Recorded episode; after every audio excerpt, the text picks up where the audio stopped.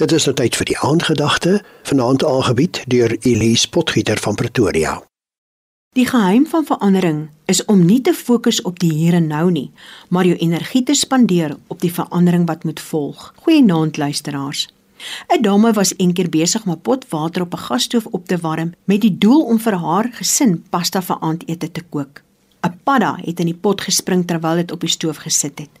Alhoewel dit nie sy bedoeling was om in die pot water vas te sit nie, het hy nie probeer ontsnap omdat die water heerlik lou was. Die vrou die stoof se hitte opgedraai sodat die water vinniger kon kook. Soos die water se temperatuur begin styg het, kon die padda sy liggaamstemperatuur dienooreenkomstig aanpas sodat hy in die pot gebly het sonder om iets te probeer om die situasie te verander. Maar soos die water egter sy kookpunt nader, kon die padda se liggaamstemperatuur nie meer byhou nie. Hy het uiteindelik probeer om uit die pot te spring, maar met die watertemperatuur wat aanhou toeneem het, het hy dit nie in hom gehad om die sprong te maak nie. Dit was te laat vir die padda om homself te red.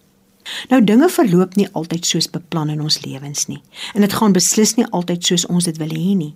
Maar maak nie saak hoe sleg 'n situasie is nie.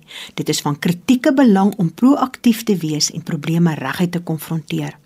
Anders as die padda wat dit op die laaste oomblik gewaag het om iets te probeer doen aan die probleem waarmee hy te doen gehad het is dit belangrik om die toekomstige uitkomste van struikelblokke wat jou verhinder te projekteer en dit te bemiddel voordat hulle verby die punt van geen terugkeer kom nie. Ons lees in die Bybel die baie bekende verhaal van Kain en Abel. Die Here het vir Abel en sy offer aangeneem, maar nie vir Kain en sy offer nie. Hier is dit duidelik dat die probleem by Kain gelê het en nie by die offer wat hy gebring het nie. Maar daarna het God mooi met Kain gepraat en vir hom gesê: "Waarom is jy kwaad? Waarom is jy bedruk? Wag daar nie vir jou blydskap as jy goed doen nie. As jy nie goed doen nie, die sonde wag jou in daar buite en hy wil jou in sy mag kry. Maar jy moet oor die sonde heers." Kain het 'n wonderlike geleentheid gehad om sy gesindheid betyds te verander maar hy het nie. Kain het genoeg geleentheid gehad om om te draai voordat dit te laat was. Maar hy het nie. Hy het te laat besef dat hy moes omdraai. Daarom is ons gebed vanaand. Vader, help my om betyds om te draai. Help my om betyds te bekeer.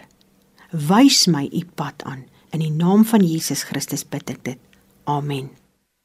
Dit was die aandgedagte hier op RSG, aangebied deur Elise Potgieter van Pretoria.